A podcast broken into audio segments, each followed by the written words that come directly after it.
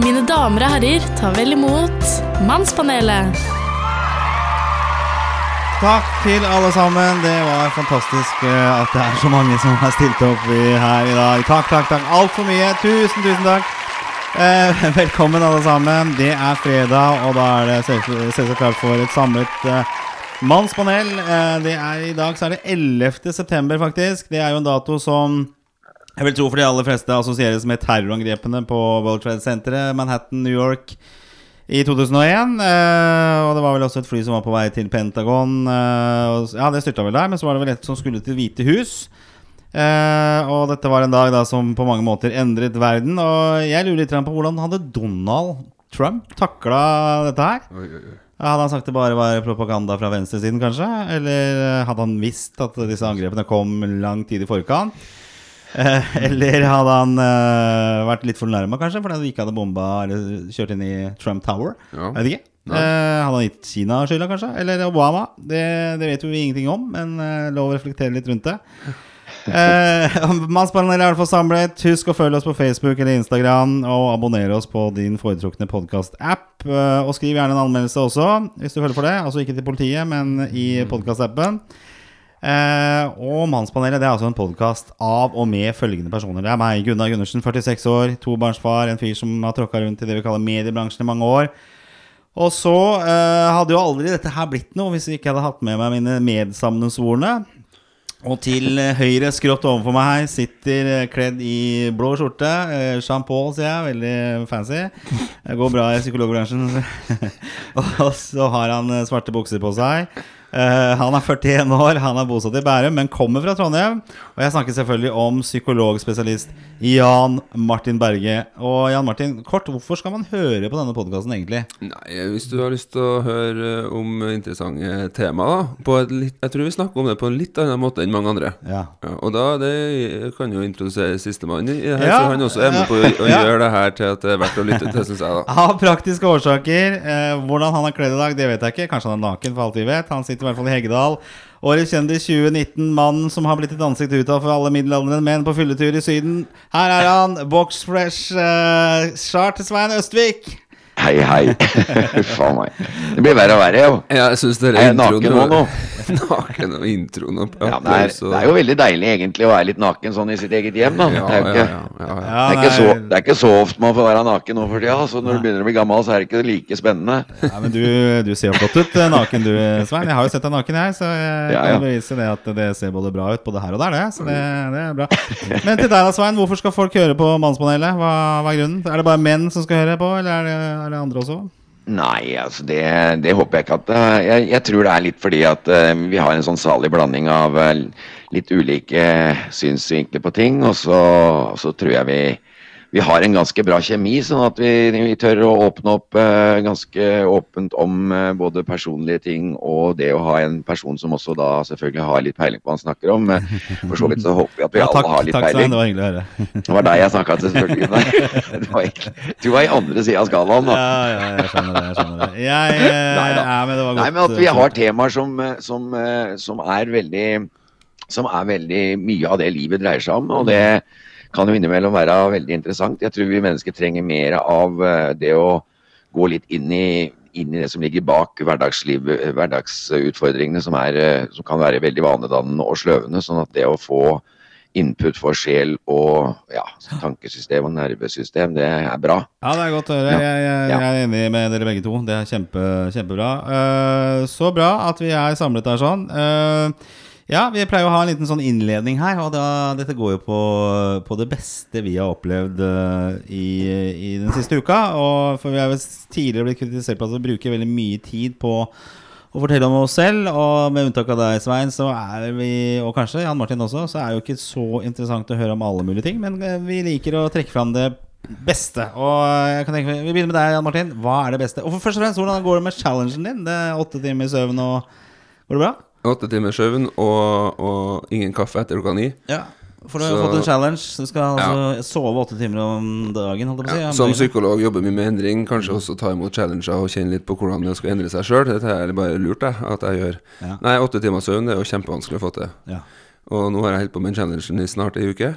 ja. Nei, ei og en halv uke. Ja, noe sånt. Ja, En og en halv uke. Samme det. Ja, Første natta over åtte timer var natt til i dag. Uh, Så jeg er ganske fornøyd. Og nå sitter jeg her og har en kopp kaffe, for vi spiller inn det her veldig tidlig. veldig tidlig. Så jeg er i godt humør akkurat nå.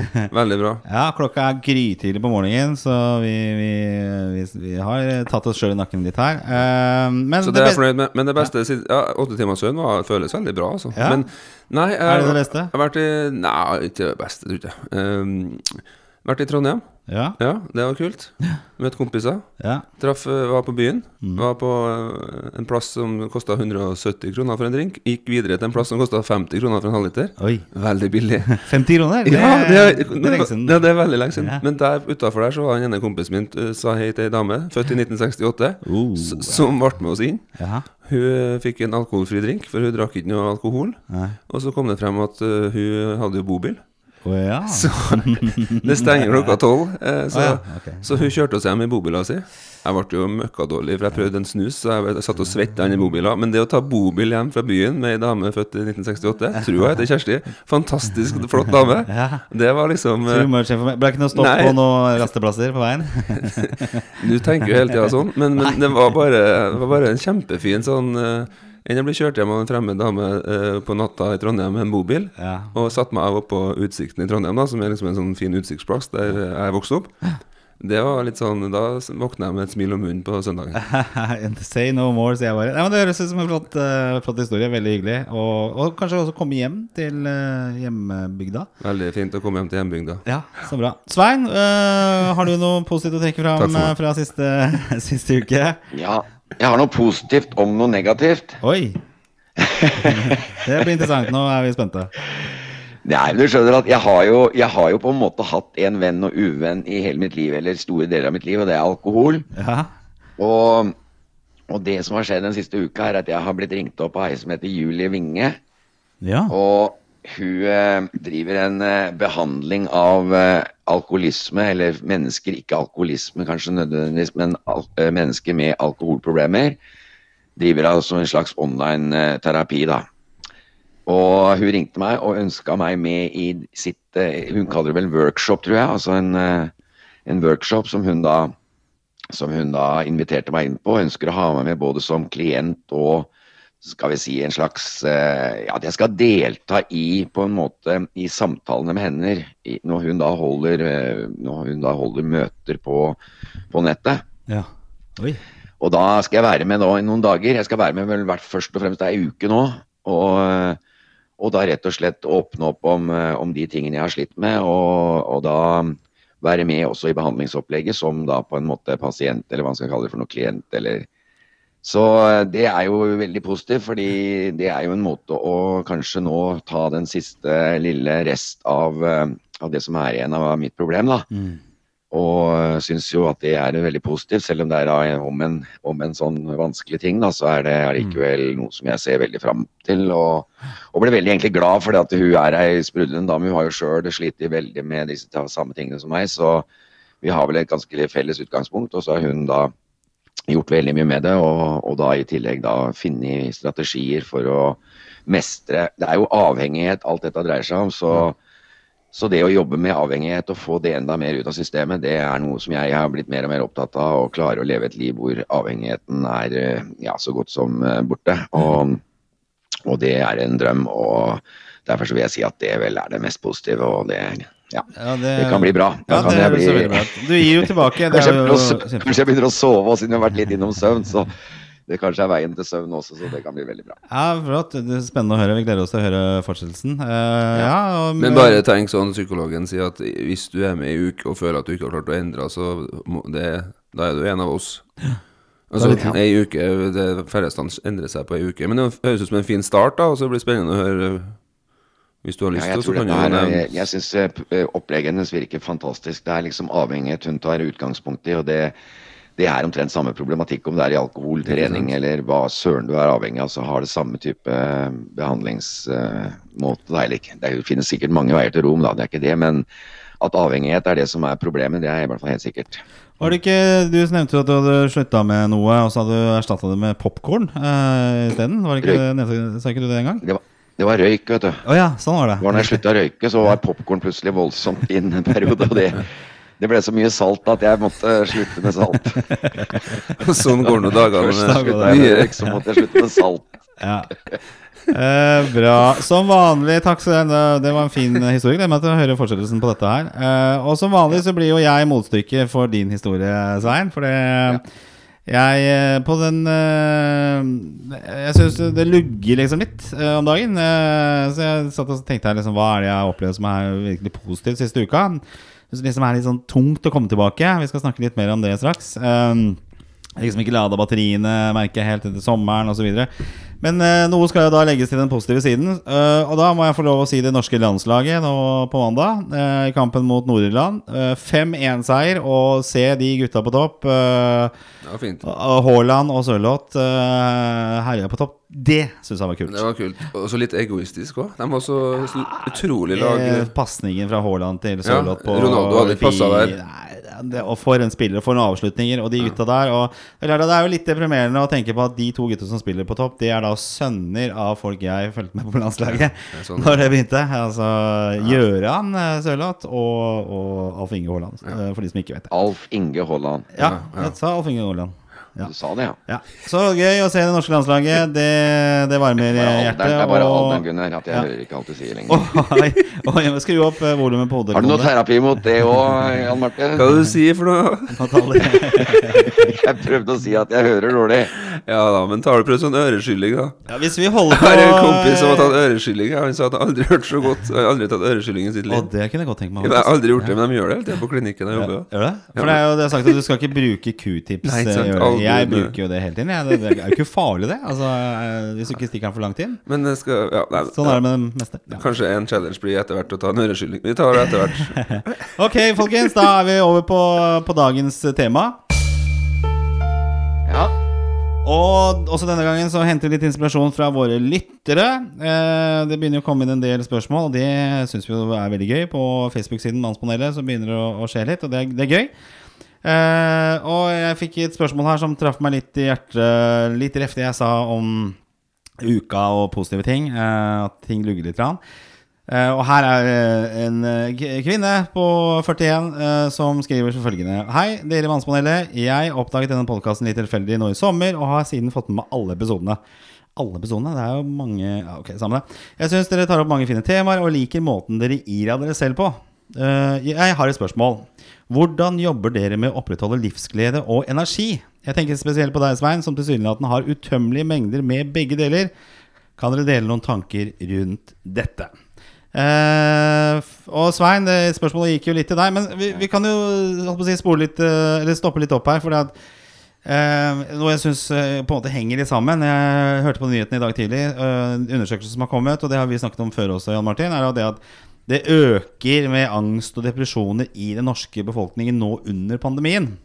Eh, Jeg har lest en tredobling. eh, Og så har vi altså en høst. Det er mørke. eh, Usikkerheten har lagt seg litt over oss. Det blir ikke noe høsttur til Barcelona eller hva det måtte være. Mm. Vi har kanskje ikke hatt en sommerferien vi hadde håpet på. Og ja, smittetallene øker også. Det går kanskje mot mer, mer nedstengning. Så det kommer til å kreve mye av oss. Vi trodde liksom at nå etter sommeren så var det home free. Eh, men det er det jo tydeligvis ikke. Nei. Så, så spørsmålet er jo da, hvis vi begynner med deg da, Svein, dette med livsglede og, og, og energi, som du tilsynelatende har mye av. Uh, har du så mye av det som du, du viser, og hvordan har det liksom hjulpet deg nå i, i vanskelige perioder?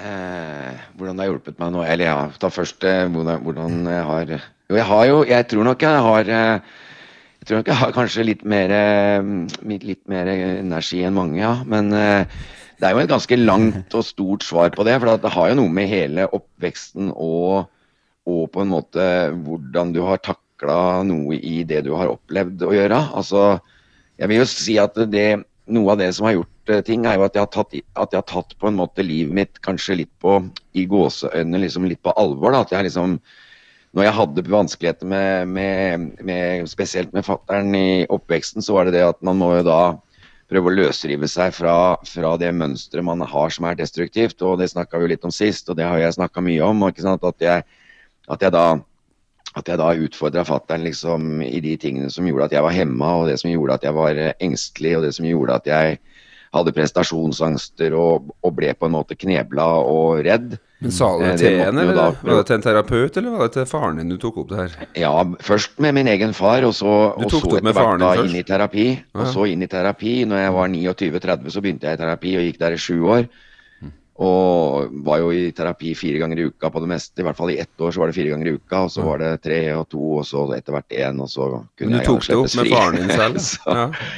så det var mye terapi. Det var mange hundre tusen. Og, eh, og, eh, og liksom på en måte det at man liksom gjør ting som gjør at man får eh, på en måte større og større frihet i seg sjøl.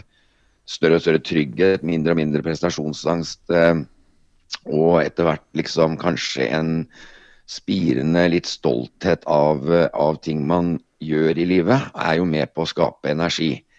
Sånn liksom, og, og selvfølgelig nysgjerrighet. Da, at nysgjerrigheten for alt som på en måte Jeg har jo aldri vært så nysgjerrig på ting.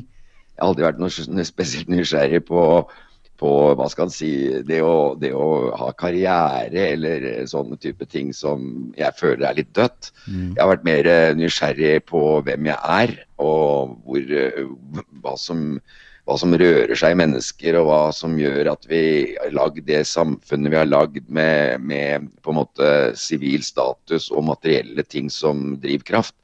Vært mer opptatt av hva som egentlig er drivkraften vår, og hva, det, hva som gir meg på en måte energi. Og da har jeg jo funnet ting som gjør det. Det er mennesker. Det er å, det er å på en måte få tak i lidenskapen i seg sjøl. Det man brenner for. Å gjøre de tingene som på en måte mer og mer gjør de tingene som, som du på en måte føler gir noe tilbake. Og det er jo annet å gi.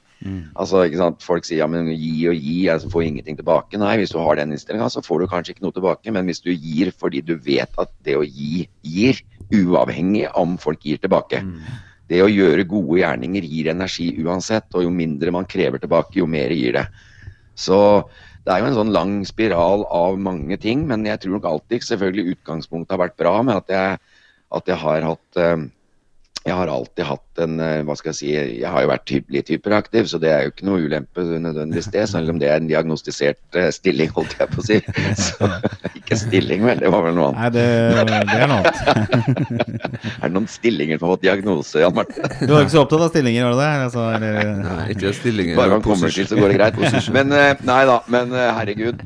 Det er vel noe av det. Og så klart at å se muligheter istedenfor istedenfor, Og det er jo sikkert en sammenheng med det jeg snakka om nå. Så det å se muligheter istedenfor begrensninger, det å på en måte det å på en måte leite etter løsninger, være veldig veldig observant på offerrolle. At man aldri kommer i den eh, posisjonen at man begynner å synes synd på seg sjøl.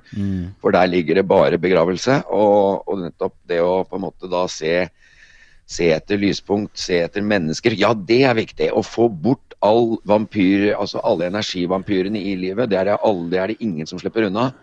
Eh, klare å finne seg venner som på en måte har et eh, egetverd, og som på en måte ikke, ikke bruker deg som eh, valium.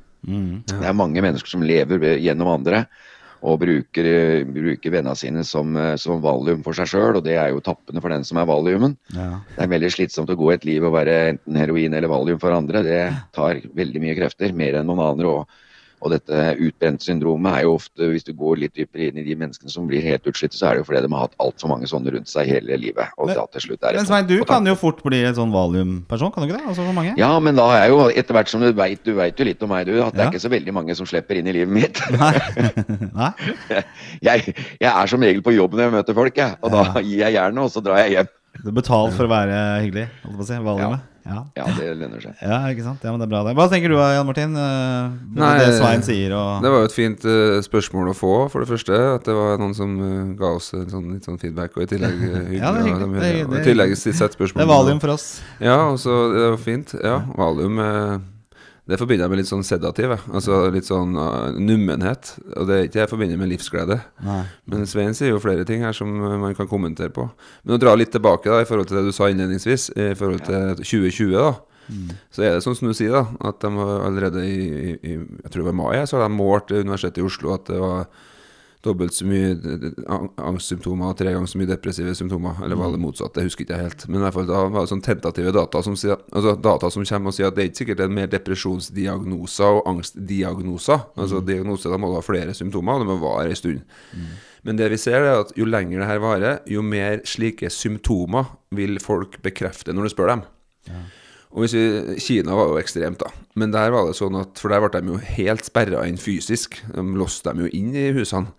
Og der var det 16% som fikk alvorlig eh, Som tilfredsstilt alvorlig depresjonsdiagnose når de har vært innesperra i, i februar og mars. Og de hadde ikke vært så lenge innesperra.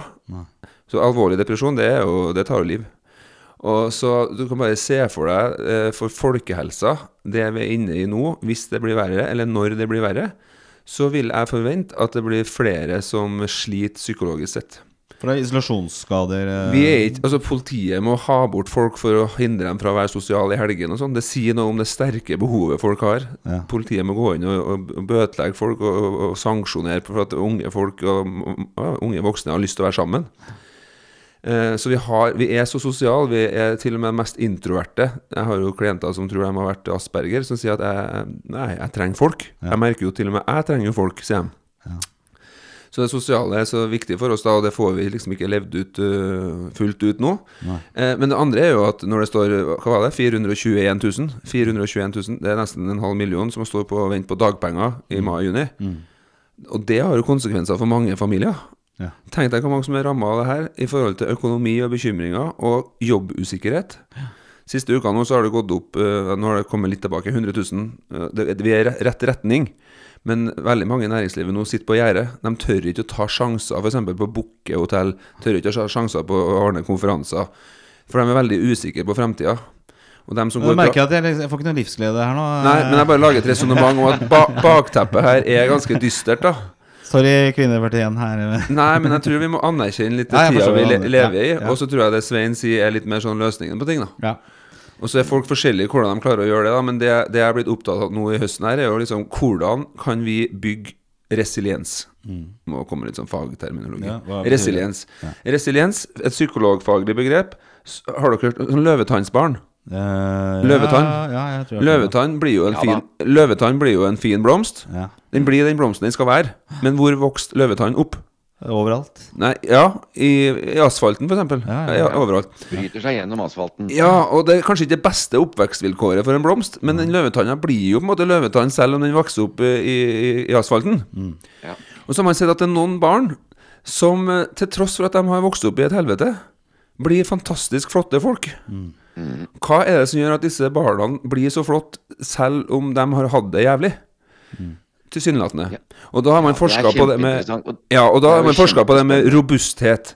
Hva er det? Og det er en muskel, da, vil jeg hevde. Og det er jo noe med hvordan kan vi skape muskler nå hos hverandre, hos folk i nærmiljøet, hos folk på jobb, hos familien vår, for å kunne håndtere det vi står i. Og målet er jo at vi Det er ikke sånn at det bare er positivt, liksom. Det bare tenk positivt, det blir for lett. For det er ikke alltid forbundet med realisme, det å sitte og tenke positivt. Men vi ønsker, sånn som Svein er opp- inne på her, en slags mild optimisme på at ja, men vi skal klare det her. Vi skal sammen klare det her. Og, og, den muskelen må vi bygge sammen. Og den kan f.eks. Byg, eh, bygges eh, ved at man opplever tilhørighet, eller når Svein begynner å snakke om det som kalles altruisme, altså å hjelpe andre uten å få betalt.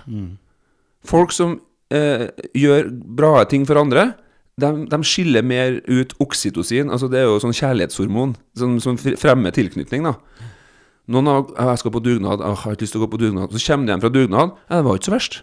Da har du fått noen drypp med sånn oksytocin. Men eh, ja, det, for det Ja, Jeg, Jeg syns det der er veldig bra, Jan Martin. Og det, og det der med løvetann og, og det bildet på det, ikke Ja, jeg prøvde å skape noen sånne er jo- bilder og det ga jo- mening. Det er jo litt sånn som jeg sier om eh, det der workshopen jeg skal på. ikke sant, Julie som har vært igjennom tøffe ting. og, og en hel haug av dem går jo til grunne, men så ender det opp i liksom helt i andre skalaen ved virkelig å hjelpe andre og Ja. bruke alt de har av erfaring når de var i grøfta. Ja. Hente med seg alt du kan fra grøfta og Mm. opp og bli en solstråle. Det er jo helt fantastisk. Og det må jo være veldig meningsfylt, tenker jeg.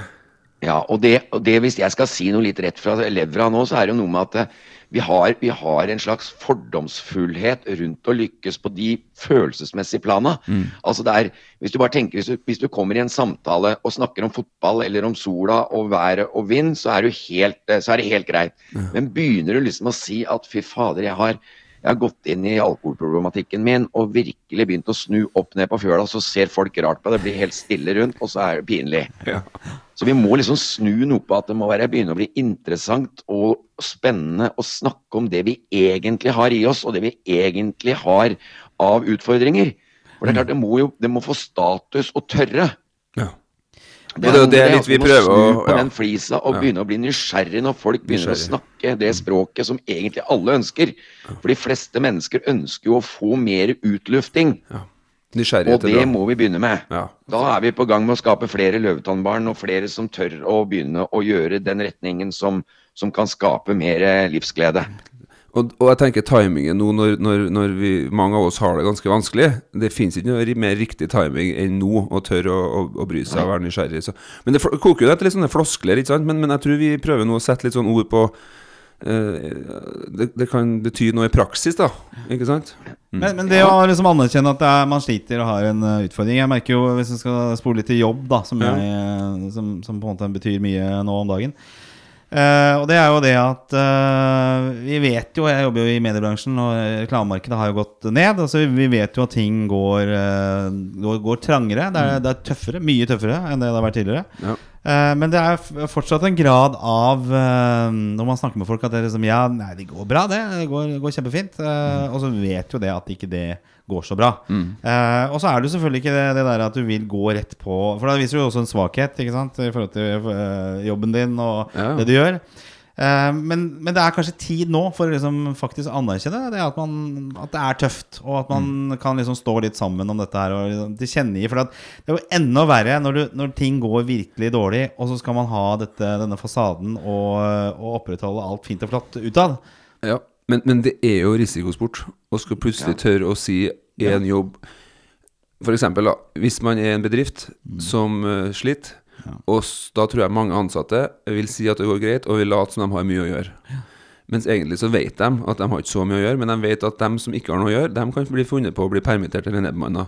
Og da kan man jo skjønne at det er jævla risiko å gå frem som en ansatt eller som en leder og si sånn Akkurat nå, nå må vi tørre å snakke om det som er faktisk uh, sant her. At dette er jo et synkende skip. Men du snakker jo til ledere nå, ikke Ja. sant? Hva er det du sier til de da? Da prøver jeg å snakke om at hvordan kan dere tørre å snakke uh, uh, med ansatte på en troverdig måte? Hvordan kan man være en god coach som leder nå? Hvordan kan man sammen stå i det her sammen med ansatte, ikke ovenfra og ned og stå milevis unna? Dårlige ledere stikker eh, hodet i sanda. Dårlige ledere setter seg inn på styrerommet. Dårlige ledere stikker av. Eh, Mens de gode Jeg har møtt noen gode ledere nå. Og nå, Før sommeren så møtte jeg noen som har vært sinnssykt flink. Og, og flink mener jeg De har vært veldig på. De har jobba døgnet rundt for å redde bedriften. De har gitt masse informasjon. De har vært tilgjengelige. Og når jeg traff dem før sommeren, så kjente jeg dem nesten ikke igjen. Det så ut som de hadde sett spøkelser. Oi. Ja, de var så sliten.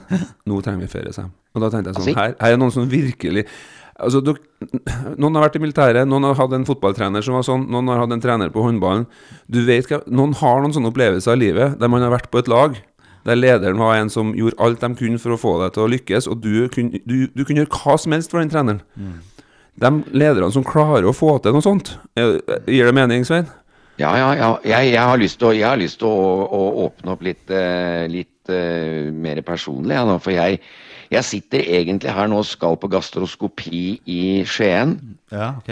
uh, og det er fordi jeg har hatt symptomer. Og da slo det meg nå når vi sitter og prater om, eh, om det at vi har en spesiell situasjon i verden, så er jo det på mange måter det samme som at samfunnet har et symptom. Ikke sant? Og jeg har hatt symptomer nå som har antagelig bakenforliggende årsaker, som f.eks. da at jeg nevnte alkoholen, at jeg nå skal gå i en workshop. Det, og de symptomene jeg har hatt, kan relateres til eh, et eh, for stort alkoholbruk gjennom, gjennom veldig mange år. Og antagelig så går dette bra nå. Men det er jo et veldig, det er jo en veldig varsku til meg, eh, på en måte. altså ikke sant, Symptomer, det vet jo du en del om, Jan Martin. Også Det vet vel alle om at symptomer er jo fordi ting ikke er helt som det skal eh, i både i de mønstrene man lever, altså livsstilssymptomer. Og det får man jo mer og mer av jo eldre man blir. ikke sant, Og symptomer er jo et, eh, et, eh, et varsel. Og nå har vi da dette varselet med korona og en hel haug av andre ting, terror og alle mulige symptomer som samfunnet har. Og, og jeg kan si det sånn, når du ser egentlig jeg, når jeg ser på meg sjøl og er helt blodig ærlig, så er det sånn at jeg er jo på en måte kan være skuffa over meg sjøl som har hatt symptomer og visst om en del av de bakenforliggende grunnene. Og allikevel så er det å snu et mønster og gjøre en forandring det sitter utrolig langt inne. Mm. Og det var akkurat det liksom Jan Martin begynte å si nå, at nå har vi muligheten til å gjøre en forandring. For nå har samfunnet helt tydelige symptomer som er såpass alvorlige at hele samfunnet på en måte er i en eller annen unntakstilstand som, som vi da burde burde begynne å gjøre noe med grunnene til at disse symptomene kommer. For det er ikke tilfeldig at det dukker opp det ene alvorlige trusselen etter den andre. Det er en grunn. I hvert fall i min verden så er det en grunn. Og, og, og så veit du da at når du skal gjøre det på deg sjøl, så sitter det å gjøre en forandring utrolig langt inne. For det er et mønster som er bygd opp gjennom utrolig mange år. Ja. For meg da avhengighetsmønster. Som gjør at det er den måten jeg har takla ting på bestandig, og det er det vanskelig å gjøre noe med. Men nå er det sånn at når du skal på gastroskopi for å undersøke noe som på en måte har en sammenheng, så må man begynne å ta det inn over seg og virkelig gjøre det. Og det er det jeg tror er veldig viktig nå med samfunnet òg. Det er at vi må ta inn over oss nå at nå har vi muligheten til å snu på de tinga.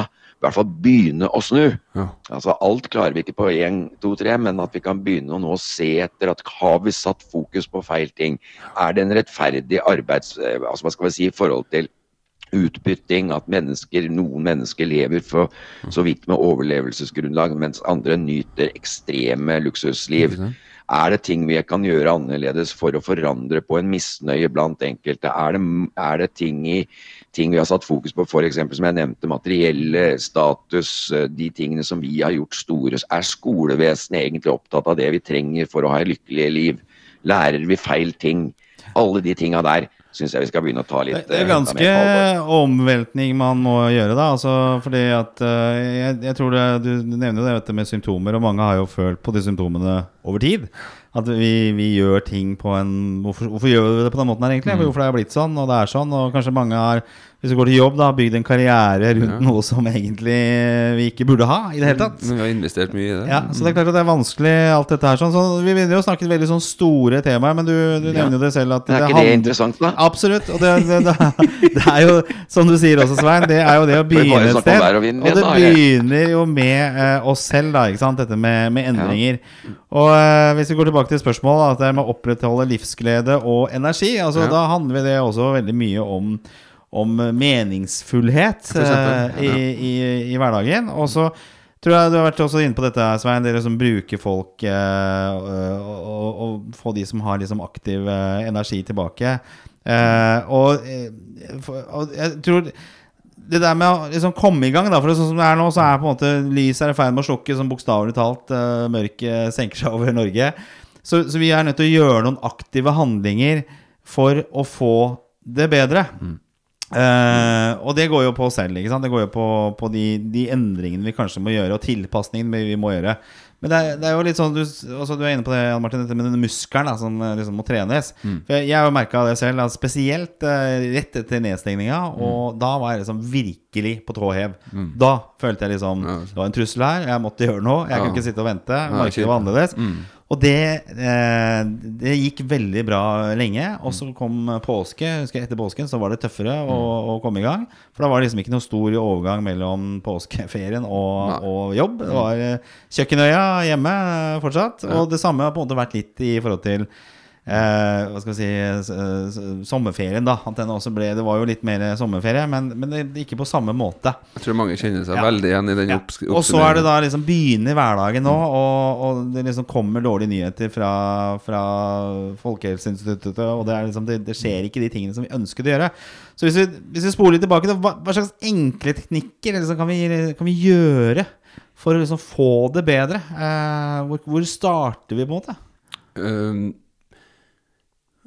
litt sånn fan av sånn eh, aktive mestringsstrategier. Ja. Så når du sa vi må gjøre noe, så tror jeg at eh, kan man øve seg på å faktisk eh, gjøre noe. Og da hvis man kan gjøre noe, og i tillegg gjøre det med noen andre mennesker, eh, så tror jeg det kan være med på å skape tilhørighet og noe meningsfylt. Altså gode samtaler kan jo være bra. Og så tror jeg at eh, hvis, Det var en sånn praktisk ting, da. Rett og slett sørg for å få vært litt i aktivitet, da. Og gjerne sammen med noen som du syns er ålreit. Eh, hvis jeg skulle komme med ett tips til, så er det å, kanskje ha en litt sånn eh, holdningsundersøkelse med seg selv. Jeg tror jeg nevnte det før. For at hadde det vært en annen person som hadde kommet til deg som du er glad i, da, som hadde sagt at uh, du ja, nå, Hvis du skulle ha snakka til meg, da La oss si at eh, en, en god venn av meg har sagt at nå står jeg i fare for å miste jobben min, jeg er blitt permittert, det ser ikke ut som ting går så mye bedre. I tillegg så har vi trøbbel på hjemmebane, og så har vi noen barn som også vil lure på hvordan de egentlig har det. Um, I tillegg så begynner jeg å merke at økonomien er litt sånn uviss, så jeg er litt usikker på framtida. Og så har jo foreldrene mine begynt å bli gamlere, så jeg føler meg utilstrekkelig, for jeg er ikke så mye sammen med dem som jeg burde vært. Hvis en god venn av deg har sagt det til deg, hadde du kommet og sagt sånn Ja, bare ta deg sammen, eller bare tenk positivt. Nei, da hadde du sagt sånn Du, jeg skjønner at det er mye å stå i nå. Det hørtes ikke så lett ut. Altså, vi har møtt dem litt på følelsene, da. Og jeg tror den holdninga du har med gode venner Jeg tror det er på høy tid at vi bruker den holdninga mot oss selv nå den høsten og vinteren her. For vi trenger å finne frem den indre støttespilleren i oss selv. Og det er en litt sånn øvelse, men, men for vi er jævlig strenge med oss sjøl. Vi liksom oppsummerer på kvelden så bare Faen, jeg har ikke gjort det, jeg har ikke gjort det, jeg burde ha gjort det. Altså, og det hjelper ikke jeg nå. Så hvordan kan du øh, jobbe med å ha en litt sånn Være litt øh, mer raus, litt mer hyggelig med deg selv? Det tror jeg den høsten og vinteren her, det har vi behov for. For Vi har jo snakket om Nei, dette her jeg- tidligere i Tankefelleepisoden også. For vi er jo i en gigantisk tankefelle alle sammen nå om dagen. Sein? Jeg. Nei, altså jeg, er- jeg er jo veldig fan av det. Og jeg mener jo at hvis man går litt ut ikke sant? Komfortsone er jo på en måte å være i det vante. Å være i komfortsonen er å være i det vante, og mange liker å være i det vante. Og jeg tror at den energien som han, eh, Jan Martin snakker om nå, den dreier seg om å trene seg på å komme litt ut av komfortsonen. F.eks. det å, å være litt blidere når du går inn på Kiwi. Eh, altså det å, å hilse på folk. At du gjør aktive, gode gjerninger som er å gå litt ut. Det er en vei til å få en dag hvor, hvor du ikke så lett ser etter dine egne feil. For at nå synes jeg han var inne på veldig viktige ting. At vi er så, vi er så strenge med oss sjøl. Vi er så flinke til å dømme. Vi har et tankesystem som ofte bare legger merke til de tingene vi ikke gjør, eller de vi burde gjort. Men med en gang vi går litt ut av komfortsonen, så begynner vi å snu på den spiralen, og så begynner vi å se å gud, så deilig det var at jeg fikk sagt hei til dem, og så blide de ble når jeg, når jeg var litt blid. Altså, der ligger Det det, litt sånn å snu småting, ja. også tankemønstre, Ja. som da blir mye mer positivt. At man plutselig så ser man mulighetene, og så ser man godheten i seg sjøl, og så ser man de fine tingene man har gjort, istedenfor å dynge seg ned i ekstra, hva skal vi si, sånne belastende tanker, som i tillegg til at det er utfordringer bare ved det at vi må være mer inne, mindre sosiale, så er det også eh, en veldig utfordring å få snudd på det tankemønsteret som drar deg enda lenger ned. Og, og hvis jeg skal være litt ærlig Jeg, tror ikke jeg har sagt det noen før, men jeg har liksom utfordra meg sjøl litt de siste månedene. At jeg oppfører meg litt sånn på gata som jeg gjør når jeg går, ut, eh, går tur i marka. Ja. For når- Hilser. Nei, men ja, Ikke sånn kjempehilsing, men, men jeg søker blikkontakt Ja. på butikken, eller jeg søker blikkontakt øh, når jeg går på gata. Når de har hund, så gjør jeg det litt lettere for meg så Da ser jeg veldig på hunden, og så til slutt så ser jeg opp. Men jeg prøver å søke blikkontakt, og jeg syns, jeg syns det gjør liten forskjell. jeg. Ja. Jeg får litt sånn Jeg føler er litt sånn. Ja, jeg syns det er et eller annet, for vi gjør jo det når vi går tur på fjellet. Ja, ja, ja. Og Sier jo til og med hei og stopper og sånn. Men jeg tenker jeg trenger ikke å være På en sånn sjøen er det ofte man Ja, ja. ja. så Jeg trenger ikke å bli en sånn så får man jo På den måten så får man plutselig utvida vennekretsen sin, eller mennesker å snakke med. Man Jo, men det er altså, helt så sånn for å liksom Ja. være bare sammen med de samme folka hele tiden, når vi ikke Det tør å er åpne jo opp litt. Kohorten ble utvida markant hvis du begynner å hilse på folk. Jeg var på Gardermoen nå tre ganger de siste tre ukene, og det er jo nesten ikke noen folk der. Og så, og så så jeg hun øynene hun Nå tror jeg du sikkert at jeg sitter og stirrer på folk overalt, men hun som uh, jobba på den butikken der, da. Det er jo ingen her Så sa jeg hvordan går det, liksom. Så så jeg på, ja. Og da hadde vi en litt sånn samtale. Og så sa jeg ja, det er jo grensa for hvor mange ganger du kan rydde den eh, kiosken her. Ja, akkurat, sa. Det er et helvete. du savna jo mennesker. Ja. Og da var det sånn avslutta med å ha en god dag. Og da var det jo sånn Altså Lykke blir feil å si, men, men det var jo et møte, da. Ja, men jeg, jeg er helt enig med deg. det var fint, på en måte. Jeg er helt enig med deg. Når det, det, det, altså, det der å hilse eller det å være hyggelig det, det, For meg i hvert fall så krever det litt å komme liksom over Vi er jo norsk, for faen. Vi, er norsk, Ja, vi vil jo ja. hvis du ser noen på andre sida. når du først kommer i gang, og du liksom har en god samtale Det eneste jeg sliter litt med, merker jeg, det er sånn Det- men det gjelder jo- hundeprat. Altså, jeg går jo tur med hunden og snakker om hund og, og liksom ta den hundepraten. Det, det klarer jeg ikke fortsatt. Men du skjønner at det, det gjelder jo alt du gjør utafor komfortsonen, er jo bare skummelt før du er utafor. ja. Med en gang du er utafor, så får du bare goder. Det er jo derfor det er så rart at vi mennesker vi gjør ikke de ting som er godt for oss. Ja. Altså, det er det som er på en måte paradokset. Det er at det er jo bare tankene som holder oss unna å gjøre de tinga som er bra. Nå er vi veldig sånn eh, Vi var veldig høyt opp i sted i forhold til nivå på samfunnet. Men nå tror jeg vi, nå er vi veldig nedpå igjen. Ja, nå er vi, så vi, Hva med å se på folk og si? Nå skal, vi nå, jeg snart ut, og da skal jeg hilse. Jeg skal blinke med lysa når jeg kjører til Skien, og jeg skal liksom være helt bajas. Oi, da ble det psykiatrien. De, jeg skal synge de råeste sangene med vinduet oppe og alt mulig rart nå. Når du gjør gastropogi Gastropofi Nei, hva heter det nå? Gastroskopi. Det er veldig vondt. Det er veldig ja. ubehagelig. Så altså se legen i øya hele, hele tiden. nei jeg, skal, jeg, du skal, jeg skal ikke ha noe bedøvelse. Jeg skal ikke ha noen ting. Jeg har klaustrofobi og alt sammen. Jeg bare kjør den slangen ned så jeg kveles. Og jeg, det går helt fint, skal jeg si. oi, Nei, oi. nei, for den skal gå ned i halsen, selvfølgelig. Jeg tror den skal gå andre veien. jeg skjønner. Uff, Ja. faen, jeg Nei, hadde det enda vært andre veien, så hadde det jo vært greit. Nei, men eh, jeg. blir svett. vondt Vi må begynne å tenke på å dra det hele inn her sånn. Eh, Du skal av gårde, Svein, og det skal vi alle også rundt bordet her sånn. Men eh, hvis vi skal konkludere dette her med livsglede og energi, da, hvordan Men- eh, skaper vi det? Ja, for at jeg merka det i stemningen på sendinga, at vi starta litt, og så begynte Svein å snakke om det litt, og så Ja. tok jeg det litt nedpå, så det ble veldig trist igjen. Ja. Og så syns jeg vi avslutta veldig med noe konkret, og det ga jo i hvert fall litt eh, energi i studio. Ja, ja, ja. Det var jo et eksempel på livsglede. ja. Ut av komfortsonen. Hils på folk Ja. rundt, eh, rundt seg. Jeg- jeg- eh, og ut- jeg- utvide kohorten. Og, an, Jeg syns være en god løvetannhistorien din bør, den bør folk ta til seg og tenke at de skal være en løvetann de neste ti åra. Ja. Oi, ti år? Shit, altså. Nei, men bygge, vi, skal bygge, vi skal bygge 50 muskelen. Vi skal bygge den muskelen. Ja. Uh, ja, bygge muskelen. Og i motgang så går det oppover, eller og så, så videre. Så Nei, ikke av seg sjøl, ja, men men, man blir sliten, og da trenger det energi. Og hvordan man kan få energi, er ofte med andre mennesker. For eksempel. Og det med holdningsundersøkelse. Ja. Kan, det synes jeg var Det er jo ikke jeg som har funnet på det, så jeg syns det er viktig å, å prøve å være litt sånn ålreit uh, Vennlig støttespiller overfor seg sjøl. Jeg tror vi trenger det nå. Bra. Vi har fått et spørsmål Det var jo litt spørsmål til deg, dette, Svein, også. Men et Svein-spørsmål som vi må ta helt på slutten her, sånn, hvis du har tid. Det er eh, som følger. Hei, Svein. Eh, hvis du skulle laget ditt drømme-reality-program, hva ville det vært? Å, herregud. Um, nei, men altså, da syns jeg bare jeg kan si noe om dette her. Altså, en drømme-reality-program hvor istedenfor at det er sånne der sjekkegreier, så kunne det vært eh, eh, så kunne det vært noe i den gata vi har prata om nå. Altså at folk, eh, at folk kom med sanne historier om livene sine, de tingene Altså f.eks. det jeg var innom, at folk hadde, hadde begynt å dele eh, mer, hva skal en si, eh, personlige eh, historier om banebrytende ting i livet. Eh, på en måte alt fra da vanskelige ting til da måten man har mestra ting, og, og, fått, og fått på bordet veldig mange forskjellige, forskjellige historier om hvordan man på en måte har, eh, har behandla eller angrepet ting som, som kunne blitt eh, som kunne blitt veldig ødeleggende. Hvordan, ekte, altså, historier Mm. eh, fra virkeligheten. Historier fra virkeligheten istedenfor bare å se kropp og kropp og under dyna-bevegelser. så Ja, så burde du hatt det, Svein. Jeg tenker at Du hadde passa veldig godt til å sånn, Litt sånn Tore på sporet-type. Sånn Svein på sporet.